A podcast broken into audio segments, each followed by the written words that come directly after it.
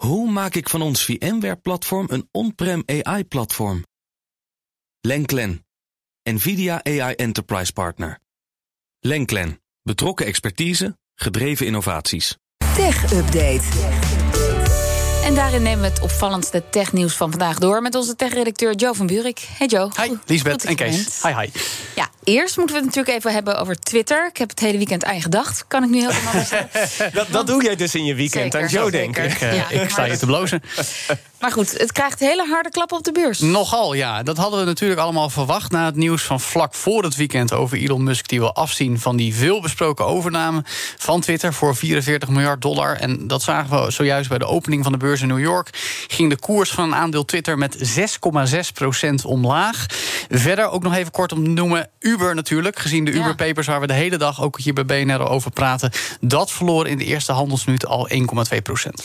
Maar dan die koersval eh, van Twitter. Hoe heftig is dat? Nou, eigenlijk moeten we zeggen, het valt nog mee. Maar dat komt vooral omdat de afgelopen tijd Musk Twitter al zoveel in discrediet heeft gebracht dat het in stapjes al omlaag ging. Ehm, ik heb nog even gekeken naar de afgelopen tijd. Eh, in april piekte het aandeel Twitter drie keer op meer dan 50 dollar per aandeel, omdat hij toen die aandelen kocht en zijn overnamebod deed. In mei gleed de boel af naar 35 dollar toen het moddergooien eigenlijk al volop bezig was. En Musk alleen maar zei: Nou ja, eh, jullie hebben een probleem met bots en we gaan het uitzoeken. En eh, nou ja, we weten hoe het nu verder gaat. Het nieuwe dieptepunt is 34 dollar. Maar ook daarbij moet ik aantekenen: eh, in maart stond de koers van Twitter nog slechter, omdat het nou eenmaal niet zoveel perspectief heeft als het gaat om waarde.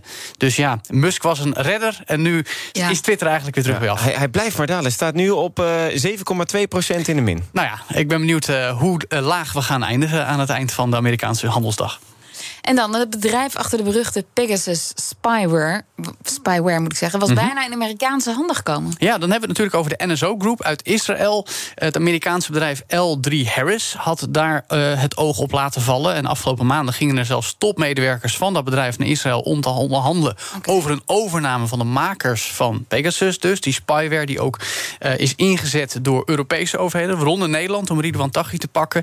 En dat is extra saillant, want NSO Group staat daarom op de zwarte lijst van de VS. Ah. En dus eh, is het een boeiend verhaal van de New York Times op basis van vijf bronnen dat er nu dus gesprekken over een overname waren. Ja, waren. Want die overname is dus niet doorgegaan. Nee, en dat komt omdat L3 Harris militaire apparatuur levert aan de Amerikaanse minister van Defensie. En ook bezig is met cyberspionage. Nou, volgens het artikel van de New York Times werden ze aangemoedigd om die overname te doen door de veiligheidsdiensten in de VS. Met wel als voorwaarde dat de lijst met kwetsbaarheden, want die gebruiken ze om die spyware te installeren op toestellen, alleen bekend mocht zijn bij de Five Eyes. En dat zijn dan de inlichtingendiensten van de VS, het VK, Australië, Canada en Nieuw-Zeeland. Ja, maar wacht even. Prominente Commonwealth-landen eigenlijk. Want, want dit, we weten nu dat dit door, ook door heel Europa, ook in Nederland, is ingezet. Maar stel dat deze overname was doorgegaan, dan hadden alleen die vijf landen onze kwetsbaarheden. Dus Nou ja, daar zou het, dan, ja, eigenlijk zou je het dan inderdaad voor jezelf willen houden. Als Engels sprekend Westen, zou ik maar zeggen. Die landen die ik net opnoemde.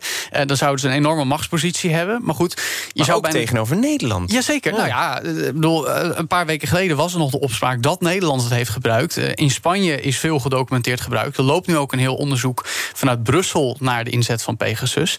En het is daarom ook niet verwonderlijk dat het Witte Huis woedend zou gereageerd hebben volgens de New York Times toen nou, de presidentiële commissie hoorde dat deze overname speelde. Of in ieder geval de gesprekken voor die overname. En enkele dagen daarna, dat is dus afgelopen maand gebeurd, heeft de L3 Harris aan het Witte Huis laten weten: we zijn gestopt met onderhandelen. Oké, ook.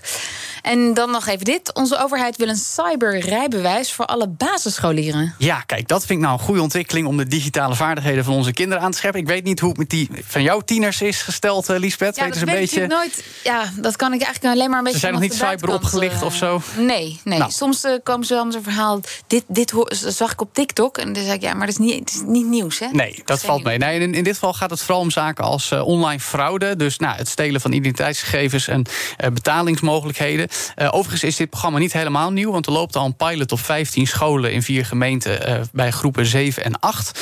Ehm, als die pilotfase is afgerond, komt dat rijbewijs beschikbaar voor alle basisscholen. Dat heeft de minister Jezilgus van Justitie en Veiligheid aangekondigd. We weten alleen nog niet wanneer dat gaat zijn. En voor middelbare scholen loopt er al een voorlichtingscampagne over online fraude en cybercriminaliteit. Dus er wordt in ieder geval hard gewerkt. Ik vind het een goede ontwikkeling. Volgende stap zou zijn het vak programmeren. Want dan Ja. kunnen onze kinderen ook gewoon daadwerkelijk met oog op de toekomst Ja, alles met maar is het niet al zo dat eigenlijk die kinderen al beter kunnen programmeren dan dat ze straks geleerd kunnen krijgen door zo'n vak? Nee dat, nee, dat hadden wij twintig jaar geleden.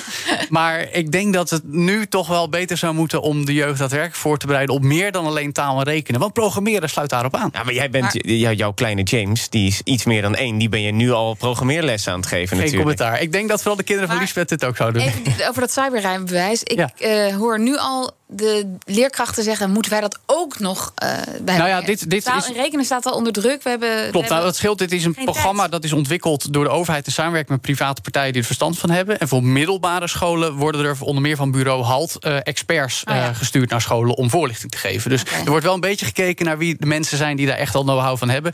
En niet dat leraren nog meer huiswerk moeten gaan doen. Dankjewel, Joe. De BNR Tech Update wordt mede mogelijk gemaakt door Lenklen. Lenklen. Betrokken expertise, gedreven resultaat. Hoe vergroot ik onze compute power zonder extra compute power?